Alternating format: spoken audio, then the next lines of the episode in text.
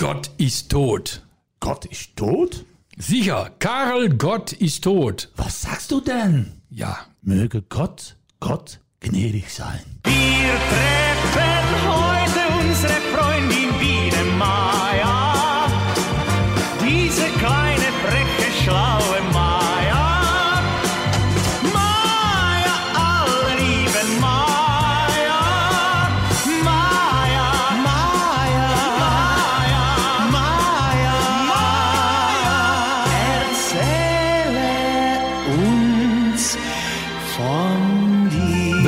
luisteraars bij weer een nieuwe aflevering van De Roomse Loper.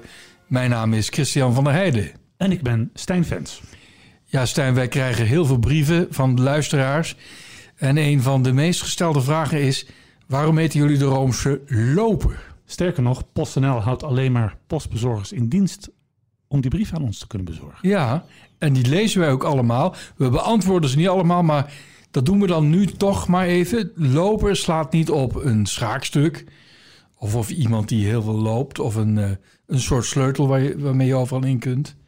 Maar loper is eigenlijk, ja, eh, in het Engels zou het zijn carpet. Het Duits teppich.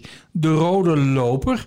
Dus wij zijn eigenlijk ook een soort showbusiness rubriek. Een soort eh, Rooms-Katholiek boulevard. We gaan nu het hebben over een showbiz item.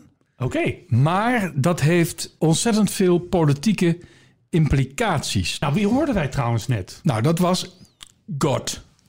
Karl Gott. Karel God. Karel Gott. Ja, en God is een Duitse naam.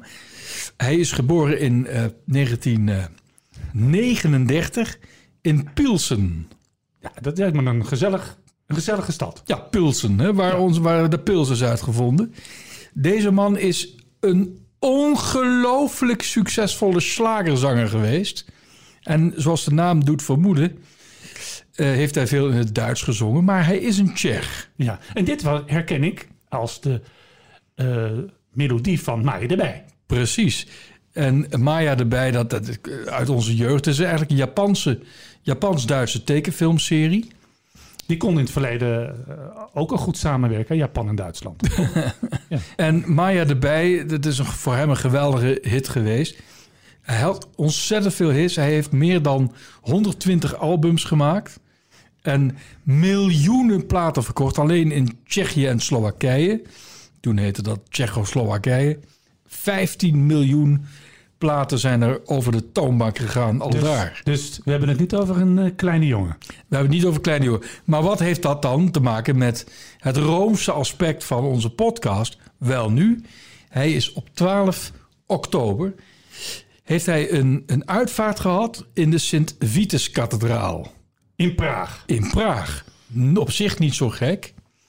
Maar de premier die eh, wilde dat dat een staatsuitvaart zou zijn.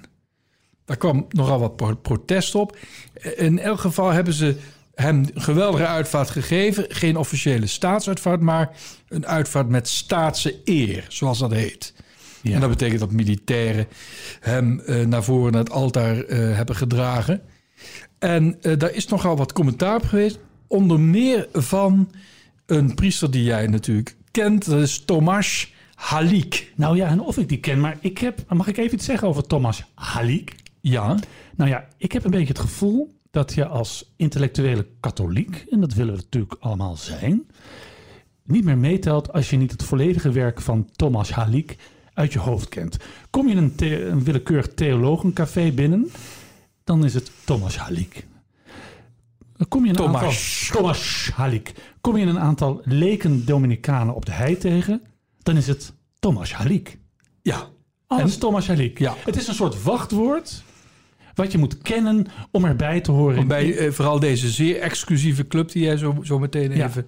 Ja. Dus dat, eh, dat betekent dat ik eigenlijk, want ik wil natuurlijk ook heel graag intellectueel zijn en ik ben al katholiek, dat ik een beetje bang ben voor Thomas Halik. ja. Ik ken hem niet. Ja, je hebt het net over leken Dominicanen. Ja. Een, een, een- het is een, een, een Dominicaan die zijn uitvaart heeft gedaan. Hè. Hij was hoofdcelebrant. Dat was kardinaal Duca, aartsbisschop van Praag. En Tomasz Halik is een priester van het aartsbisdom Praag. Die heeft zich kapot geschaamd. En waarom? Omdat Karel Gott namelijk een van de ondertekenaars was van het het, het anti-Garta 77 document. We gaan even terug in de tijd. Garta 77, dat was een, een manifest van dissidenten, onder wie Václav Havel. En die, die pleitte voor meer mensenrechten. Die wilde eigenlijk alles waar, eh, waar, waar eh, de, de leiders van de Praagse lente in 1968 voor stonden, weer terug op de agenda. De communistische autoriteiten hebben daarop gereageerd, behoorlijk fel. En die hebben allerlei kunstenaars en artiesten bereid gevonden eh, om een tegenmanifest te ondertekenen. Onder wie Karel Gott. Die heeft dat gedaan. En die Tomasz Halik, die nogal wat geleden heeft onder de, de eh, communistische repressie, die heeft gezegd: hoe kun je nou iemand zo op het schild hijsen, die eigenlijk altijd met die communistische autoriteiten heeft gehuld? Nou, eh, hè, en, en niets aan de hand muziek eh, liet klinken. Dat behoorde tot de zogeheten normalisering nadat de Sovjet-troepen in augustus 1968 Praag zijn binnengevallen en het hele land weer onder controle kregen. Die Duca, trouwens, die kardinaal Duca, Dominicaan, die heeft toen ook behoorlijk eh, geleden onder die communistische repressie. Maar hij heeft die uitvaart heel graag gedaan. Zo heeft hij ver- eh, verklaard. Eh, dat was namelijk een, een verzoek van de weduwe, eh, in 1976 geboren, moet je nagaan. Karel Gott hield wel van jonge vrouwen. Ja, dat kun je Ja. wel zeggen, ja. Die, zei, die weduwe zei, kardinaal eminentie... wij zouden het zeer op prijs stellen, de hele familie... als u die uitvaart doet, maar natuurlijk, heel graag. Want, zei hij, eh, Karel Gott... die heeft ook in moeilijke tijden altijd... een, eh, ja, een, een, een- een, geluid laten klinken van, van menselijkheid. Hij heeft ons blij gemaakt. Ja, niets aan de hand muziek. Dus ook Duca was een dissident. Dus je hebt dus eigenlijk een soort strijd tussen dissidenten. Waarom heeft Duca dat gedaan? Omdat die Karel Gott toch een nationale lieveling was. Ja, Dat is toch mooi? dat is prachtig. En eh, deze Karel Gott zong in ons favoriete jaar 1969 een prachtig nummer. En dat zegt: eh, Hey, eh, mijn heren, waarom is er nog geen paradijs? En daar gaan we nu even naar luisteren.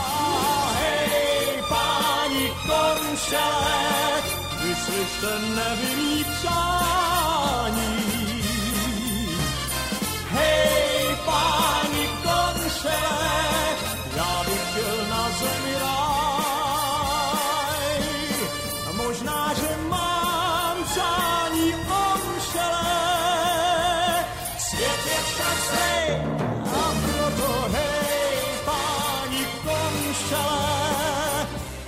dus even terug naar eh, Tomasz Halik. Thomas Halik. Ja, eh, hij was een, trouwens een hele eh, goede vriend van Václav Havel. eh, De man achter Garta 77. De eerste president van, het, eh, van, van Tsjechië. Dus het, het eh, Tsjechië van na de fluwele revolutie. Kettingroker ook, helaas dus daardoor te vroeg gestorven.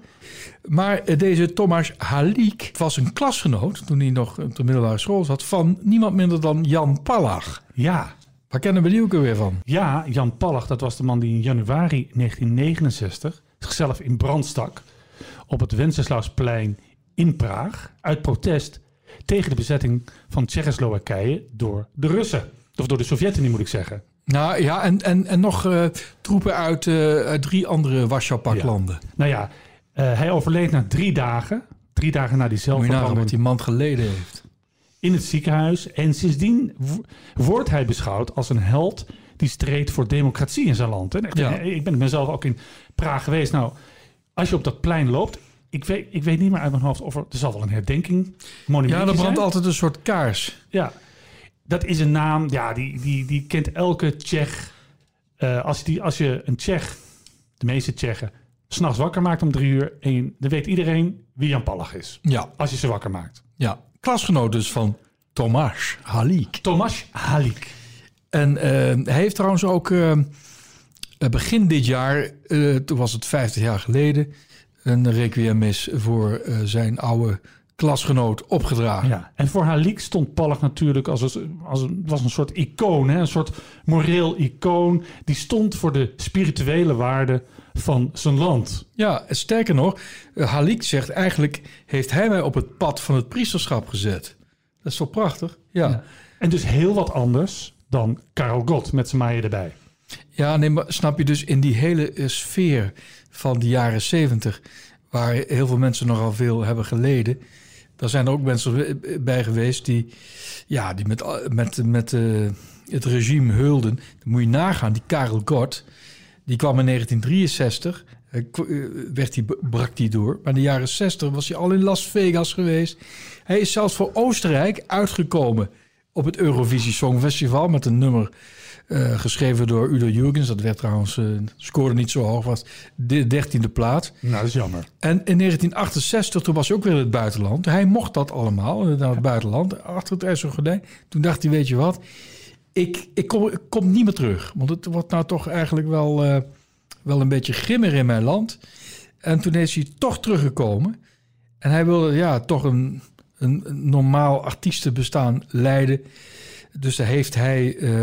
ja, heeft, heeft, heeft hij de autoriteiten, de nieuwe autoriteiten hè, die door eh, de Sovjet-Unie waren geïnstalleerd, niet tegen de haren proberen in te strijken. En dat is hem goed gelukt.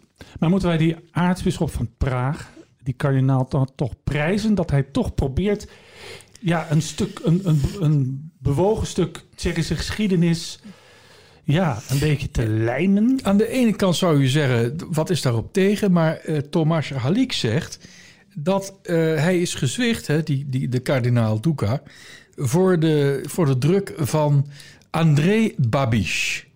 En, of. En wie is dat dan weer? Dat is de premier van Tsjechië sinds 2017. Die heeft een anticorruptiepartij opgericht. Populair ook, maar volgens, eh, volgens Tomas Halik, ik vind zo'n mooie naam, toch een populist. Die, heel, ook, die ook heel erg doet aan identiteit, politiek. Wij Tsjechen. En die Duka, die is volgens eh Halik gezwicht voor dat populisme. Hè, door door ja, zo'n zo'n volksheld. De soort André Hazes van, van Tsjechië. met volle ega's, kerkelijk en, en met staatsprotocol eh, uitgeleide te doen. Niet begraven, want hij is gecremeerd. God. En ja, eh, daar valt natuurlijk wel iets voor te zeggen. Dus die kritiek.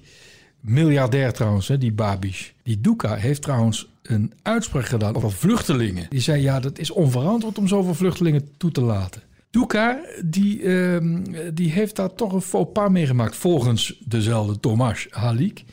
En eh, de andere bisschoppen van Tsjechië waren het toen niet met hem eens. Dus ook die Duka, die liet volgens Halik een soort ja, eh, populistisch geluid horen... en bedreef daarmee ook identiteitspolitiek. Tsjechië voor de Tsjechen. Ja, maar stel nou even, ik, eh, ik ga even dromen. André Hazes is overleden. Ja, Ik, eh, ik zal niks. Eh, Die heeft niks poli echt politieks. Hij is volgens mij lid geweest van de gemeenteraad van Rond de Venen. Maar stel nou dat hij, toen hij overleed, dat kardinaal Simonis een requiemis voor, voor hem had opgedragen. In de, in de Nicolaas, toen nog geen basiliek, toen kerk, Nicolaaskerk, Sint-Nicolaaskerk in Amsterdam. Wat een heerlijke discussie zou dat gegeven hebben.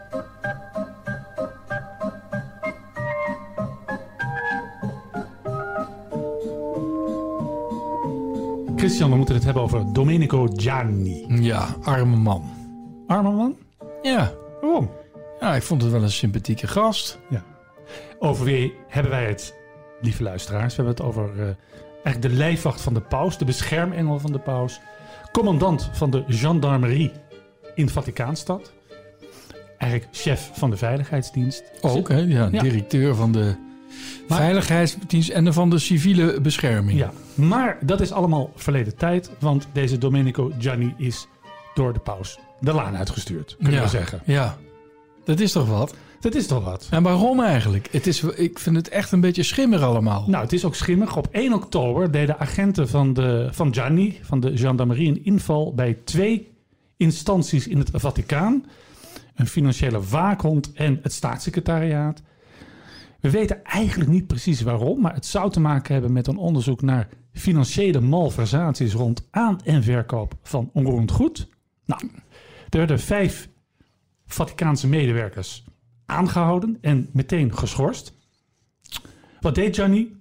Gianni heeft vervolgens een intern memo rondgestuurd in de Vaticaanstad, langs al die computers daar, met de namen van de vijf medewerkers, met foto's erbij. Dus, dus weet wel, het gaat om deze vijf mensen, met de bedoeling ook om aan alle wachten, hè, al die gendarmes, met die, die lijken een beetje op Louis de Funès altijd uit die Ja. film, hè, de, van de gendarmerie in Saint-Tropez, te laten zien, dit zijn ze en ze mogen niet meer naar binnen. Ja. Nou ja, zoals alles tegenwoordig is die, dat document, hè, ondertekend door Gianni, uitgelekt naar de pers, om precies te zijn, naar het Italiaanse weekblad L'Espresso. Toen lag het op straat en, nou, hoe zal ik het zeggen? De paus was not amused. Jij schreef woedend. Hij was schijnt, hè, het, naar verluid, hè, is hij, was hij woedend. En de woede nam alleen nog maar toe toen Gianni er niet in slaagde uit te vinden wie die, wie die informatie gelekt had. Nou. Vervolgens, hij is dus ontslagen, maar als je dan het, het, het officiële verklaring leest van het Vaticaan, dan lijkt dat allemaal in grote harmonie gegaan te zijn. Hij heeft eh, ontslag genomen uit liefde voor de kerk en zijn loyaliteit aan de, aan de opvolger van Petrus. Nou, als ik de berichten moet geloven, ging het heel anders. De paus was woedend en heeft eigenlijk tegen Gianni gezegd: jij, jij schrijft je ontslagbrief, wat toch heel wat anders is. Ja. Dat alles heeft zich de afgelopen weken afgespeeld. Zondag hadden we de heiligverklaring van John, eh, kardinaal John Henry Newman en vier andere zaligen op het Sint-Pietersplein. En toen liep Gianni nog keurig voor, eh, voor de pausmobiel. Daar kennen we ook van. Die Ja, man die daar loopt, eh brief in ontvangst neemt, geschenken en Peperkoeken. peperkoeken. En vervolgens achter de rode denderon eh, doet verdwijnen. Maar ook, en laten we zeggen, vooral eh, pakt hij met de nodige voorzichtigheid baby's aan om die vervolgens aan te reiken eh, aan de Heilige Vader, die de baby dan vervolgens zegent. Ja. Het kind slaapt door, de moeder in katzwijm. maar daar kennen we eh Gianni van, een kale man met die bril, altijd in de buurt, letterlijk de schaduw van de paus. Zondag voor het laatst. En niet alleen in Vaticaanstad. Nee, overal ter wereld. overal ter wereld.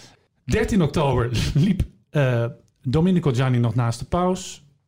14 oktober werd zijn ontslag geaccepteerd. En 15 oktober was er al een opvolger. Het gaat daar heel snel. Het gaat daar heel erg snel. Nog even iets over Gianni, want er gaan allerlei verhalen rond, hè, rond hem. Hè, dus ik ken eigenlijk geen, geen eh, dorp, om Vaticaanstad maar even zo te noemen, waar zoveel geroddeld wordt en zoveel kwaad gesproken als in het hart van de Wereldkerk. Hij zou eh, zijn appartement voor veel te veel geld hebben laten opknappen tegen de regels in.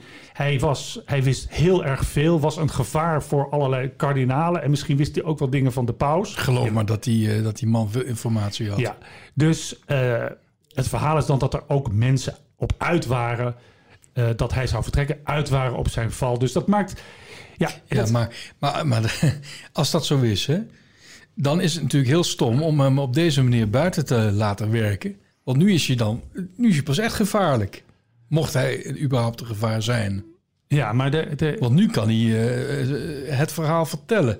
maar eigenlijk, ja, eigenlijk sinds, sinds eeuwen, hè, het is, in, het is al, al sinds eeuwen in de kerk, is het gewoon gedoe en gekonkel. Hmm. Maar het is eigenlijk onder Benedictus XVI, de vorige paus, dat dat naar buiten kwam. Dat dat, Ja. dat, dat die, niet meer binnen de muren van Vaticaanstad bleef. Ja. En nu, ja, eh, deze paus heeft eh, bijvoorbeeld, eh, deze paus heeft ingezet op financiële hervorming. Hè, binnen het Vaticaan. Hij heeft de Vaticaanse bank eigenlijk uitgemest. En ook de financiële instanties van het Vaticaan zelf. Dus, dus de, ja, de, rekenkamer en al dat soort andere instanties zijn door hem aangepakt. Niet succesvol, met veel tegenwerking. Dat is eigenlijk een enorme, eh, al, al, al jarenlang een enorme gekonkel en enorm gedoe. En dus het ontslag van die Gianni is het volgende hoofdstuk in deze soap, moeten we zeggen. Ja. Weet je wat ik trouwens zo gek vind? Deze man was de hoogste baas van de veiligheidstroepen van eh, de paus. En hij was verantwoordelijk voor de orde binnen Vaticaanstad. Waarom eh, delegeerde hij de echte lijfwachtenrol niet aan een ondergeschikte? Is het dus een beetje raar dat de commandant, Il Commandante zelf voor die pausmobiel uitloopt. Volgens mij deed hij het ook graag. Jawel, hij, hij Maar dat, dat, de man met van zijn positie hoeft toch dat, dat eigenlijk dat veldwerk niet zelf te doen. Nee, kijk, hij, hij vervulde die rol sinds 2006, als ik me niet vergis. Hij heeft drie pauzen gediend. Hij was ook wel het gezicht zo, ik begrijp het ook wel, hij was zo het gezicht van ja, de veiligheidsdiensten. Dus als je hem zag in de buurt van de paus, wist je dat het goed zat. En wat ik zo mooi vond, dat de Franciscus en hij zo'n zo'n zo leuk met elkaar omgingen. Ja. Het was echt, echt zijn, zijn, zijn maatje bijna. Nou ja, dat is dus nu, Ja. als we alle berichten moeten geloven, is die liefde kapot. Ja. En nu de tweede man, hè, die heeft het overgenomen met een geweldige naam. De achternaam Broccoletti. Ja, Broccoletti, en dat is een naam waar je honger van krijgt. Hebben wij niet een keer Broccoletti gegeten bij een eh, vriend van ons? Die, wat, Italiaanse raapstelen of zo zijn dat. Kleine broccoli van die lekkere groenten. Ik, eh, dat, Die kunnen we niet krijgen hier in Nee, Nederland. die kunnen we niet krijgen. En eh, in, mijn, in mijn stamrestaurant vlakbij het Vaticaan hebben ze ook een rigatoni met broccoletti. Aha. Dat is wat anders. En dat is met, met een beetje room en een beetje peper. En, Ja. en ik moet zeggen, nu ik het nu ik erover vertel, krijg ik trek. Ja, ik hoop dat trouwens iemand uit de tuinbouwsector die naar ons eh, luistert, misschien op het idee komt om, om dat in grotere eh, aantallen ook in, in, in het Westland te laten kweken. Ja, de broccoletti. Ja. En ik moet zeggen, ja, er waren nog andere eh, functionarissen binnen het Vaticaan die ook een mooie achternaam hebben beschikbaar. Andere gerechten, maar waarom zou het zijn dat de paus juist voor de broccoletti heeft gekozen en niet voor eh radicchio bijvoorbeeld? Ja. Dat is ook, die werkt daar Nou, ook. Deze Broccoletti is trouwens een ehm, specialist op het gebied van cybersecurity. Wat zeg je? Deze Broccoletti is een, specialist op het gebied van cybersecurity. Ik vind cybersecurity een even fijn woord als Tomasz Alik. Maar hij is dus de man die ervoor heeft gezorgd dat tijdens het conclaaf van 2005 en 2013 de Sixtijnse kapel en Casa Santa Marta eh, niet konden worden afgeluisterd. Dat is toch prachtig? Dus, dus hij heeft daar, schijnt er ook echt verstand van te hebben. Want er zijn natuurlijk journalisten of geheime diensten die met richtmicrofoons proberen te achterhalen wat er allemaal gebeurt in de Sixtijnse kapel tijdens de conclave. Daar heeft hij dus een soort wand omheen gemaakt die de signalen eh, tegenhouden. Ik was, eh, ik was in de zomer nog met mijn kinderen in de Sixtijnse kapel.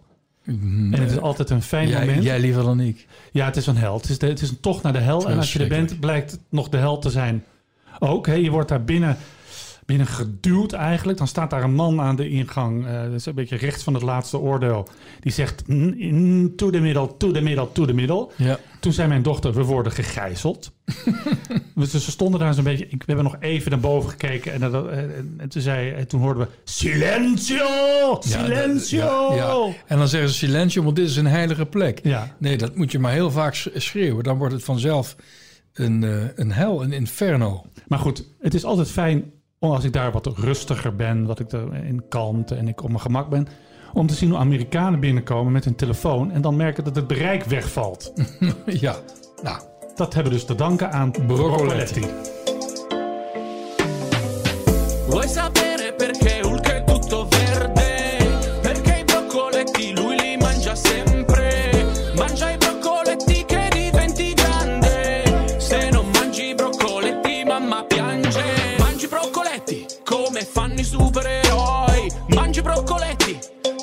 Tu fatti i cavoli tuoi. Sono più verdi del cash, non sono freschi, sono fresh. Broccoletti perfetti con la carne pure col pesce. E pensa... Ja, Christian, dan wil ik het nu hebben over Stef Biemans. ja. Sympathieke eh, jongen. Ja, eh, programmamaker, eh, journalist van de VPRO, de VPRO. Hij heeft lang in Nicaragua gewoond. Hij heeft onder meer het programma gepresenteerd Metropolis. Dat vond ik een leuk programma. Ja, Hij eigenlijk grote levensvragen beantwoord door mensen van over de hele wereld. En sinds een aantal weken heeft hij een, een nieuw programma. Hij is uit Nicaragua weg. En hij is verhuisd naar Andalusië. Weet je, ja. weet je trouwens van wie eh, Andalusië de favoriete vakantiebestemming is? Nee? Thomas Halik. maar goed, eh, prachtige serie. Ik heb, er, eh, ik heb ze nog niet allemaal kunnen zien. Omdat ik druk ben het, het eh, volledige werk te lezen van een Tsjechisch eh, schrijver die ook priester is. Maar hoe heet hij ook weer? Goed. Brieven aan Andalusië. Wat doet Stef Biemans? Hij schrijft, hij is eigenlijk bezig dat, dat eh, Spanje te verkennen. En hij gaat, stelt gewoon vragen aan inwoners van Ja. Andalusië. Hij is vluchteling, hè? Hij is vluchteling. Hij is weggegaan naar Nicaragua omdat het daar toch gevaarlijk werd. Het is Ja. daar een enorme politieke crisis met geweld. eh, oppositieleden die in de gevangenis belanden, worden gemarteld. Nou ja, Met zijn vrouw, twee kinderen en zijn beide schoonouders wonen ze op een klein appartementje ergens in Andalusia. ja. Nou, eh, ik vind het een mooie serie. Ehm, ik wil het he- vooral hebben over de aflevering over de Semana Santa. Is een center. De Semana Santa. De Goede Week. Ja. Die daar natuurlijk... In, Leuk onderwerp, Leuk eh, onderwerp. in oktober. Ja. Ja, ik denk dat we het volgende week over kerstmis gaan hebben. Eh, nou, dat wordt daar natuurlijk nog met heel veel, ja, moet ik dat zeggen, theater gevierd. En je ziet, hij gaat daar een aantal processies toe. Een aantal En eigenlijk gaat die eh, aflevering over twee andere dingen, namelijk eh, de scheiding van de kerk en staat. Of liever gezegd, het gebrek daaraan in de ogen van Stef Biemans. Maar ook een beetje over zijn eigen ongemak met het katholicisme. Zijn vrouw is eh, heel erg katholiek, zegt hij in die uitzending. Eh, de kinderen ook. Zijn vrouw eh, doet uh, catechese, gaat drie keer per week naar de kerk. Maar Stef moet niet zoveel hebben van het katholicisme. Nee. Dus je ziet hem door langs die processies zich verbazen over het feit dat, de politie, hè, dat er een processie is. Ik hoop dat ik het goed vertel. Waarin dan een, een beetje in het spoor van Jezus of Barabbas een gevangene wordt vrijgelaten. Dat bepaalt dan de politie. De politie is erbij, dus de burgemeester staat Nou ja, en de Guardia Civil. Guardia Civil. Civil. Civiel. Civiel. Civiel met Nee, een met een B, met een B. Eh, dus dat staat er allemaal. En het is, het, is- ook nog verkiezingstijd. Dus elke de, de, kandidaat van, eh, de kandidaat van de partij kunnen daar niet ontbreken. Dat signaleert hij. Wat een hele grappige scène is dat hij dan zich onder het volk mengt en vragen gaat stellen over die, het in zijn ogen gebrek aan scheiding van kerk en staat. Volgens mij klopt dat ook wel een beetje. En dan raken de gelovigen geïrriteerd. Bent u zelf katholiek? Nee, ik ben niet katholiek. Hadden ze uit Nederland geen katholieke journalist eh, kunnen sturen? Ik weet er wel een, de, allerbeste die er is, maar ik zal zijn naam even niet noemen. En ehm, dus dat, dat zijn mooie scènes. Nou ja, hij, eh, hij heeft het over de paasweek. Nou ja, dat is de goede week, maar dat vergeef ik hem. Dus je denkt eigenlijk als kijker, denk ik als kijker, hè, als betrokken Rooms-katholieke kijker, hè, weer zo'n programma dat de draak steekt met de moederkerk. En? Nou, het mooie is uiteindelijk, hij heeft één missie in dat programma. Dat is binnenkomen eigenlijk in een slotklooster van zusters. Daar in Andalusië. Nou, je denkt dat lukt niet en het lukt. En dan komt hij daar binnen. En dan gebeurt er eigenlijk iets heel moois. Hij heeft natuurlijk het idee dat hij, hij daar als niet-gelovige eigenlijk niet aanvaard wordt. En dat, dat ze hem kritisch benaderen. Maar nou, er is, een, is alleraardigste zusters. Eén zuster ehm, biedt hem zelf een biertje aan. Dan zegt hij, mag dat wel? Is dat geen zonde? Hij is ook geobsedeerd door zonde. Ja. En, eh nou geobsedeerd, hij is erin in geïnteresseerd. Mag ik dan wel een biertje drinken? Nou, zegt die zuster, natuurlijk mag u een, eh, een biertje drinken. Nou, dan vraagt een andere zuster aan hem, bent u eh, zelf katholiek? Nou, zegt hij, nee, met mijn vrouw wel. Dan zegt die hele lieve zuster, die staat wat te frituren. Ik weet niet wat precies. Ben, ben. Een soort kroketten. Daar ben je vrij in. God laat je daar vrij in. En dan kantelt die hele uitzending. Oh. Nou ja, in de zin van dat hij, eh, je denkt, nou ja, hij maakt gehakt van de katholieke kerk. En dan zegt hij, ja, eigenlijk wel mooi dat, eh, dat ik als niet-gelovige dan toch aardig ontvangen word in dat, eh, in dat klooster. Nou, dan zien we eigenlijk als laatste een, la- een, nog, een, nog een processie. En wie staan daar? Zijn vrouw en, dochter, en, een- en een dochtertje, Lucy. Ach. Nou, je ziet een, een Madonna voorbij komen volgens mij. Een, eh, een, Mariabeeld op de schouders. En wat wil dat meisje? Dat wil een blinddoek omdoen en een wens doen. En haar wens is, hè, eigenlijk zou je een zonde moeten bekennen, maar haar wens is dat alles weer goed komt in Nicaragua. Ja. Ze is de enige in die processie die die blinddoek komt doen, want dat is een blijkbaar Nicaraguaans, Nicar, Nicaraguaans, Nicaraguaans Gebruik. gebruik. En dan gaat het meisje lopen. En dan zegt hij letterlijk, ja, ik zit nog steeds. Dat eindigt Stef. Laten we, even, laten we even horen hoe deze uitzending eindigt. Ik keek naar mijn dochter met haar Nicaraguaanse vlaggetje in die Spaanse processie. En bedacht me hoe mooi het was dat ze naar een manier zocht om met haar heimwee om te gaan. En ik vergat even al mijn kritiek op de scheiding tussen kerk en staat. En besefte dat het ook fijn is om te geloven dat als je iets op de juiste manier vraagt, het misschien nog gebeurt ook.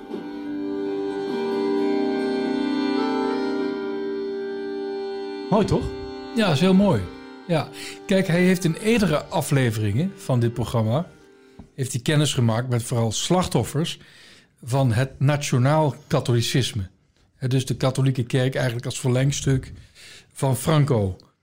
En hij sprak daar met mensen die bijvoorbeeld eh, ongewenst eh, of eh, ongehuwd eh, zwanger waren... en die kinderen dan moesten afstaan aan nonnen.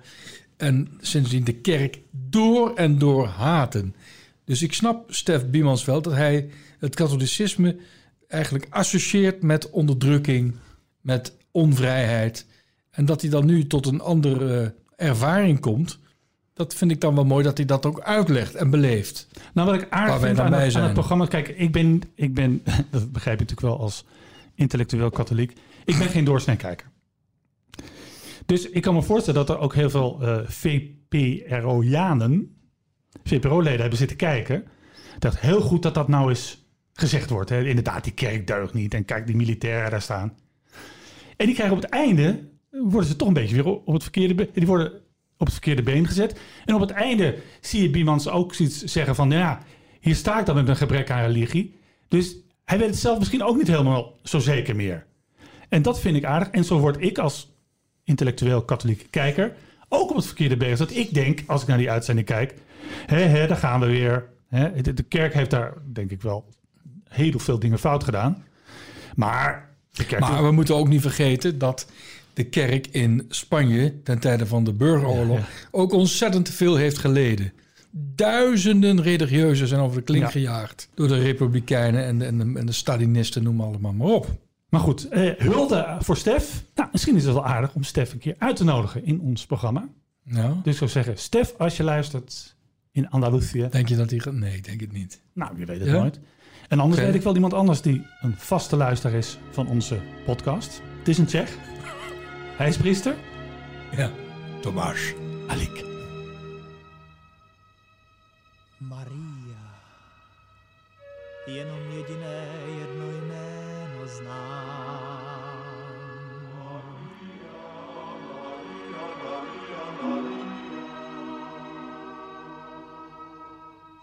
Ty tři slabiky hluboko v srdci i v hlavě mám.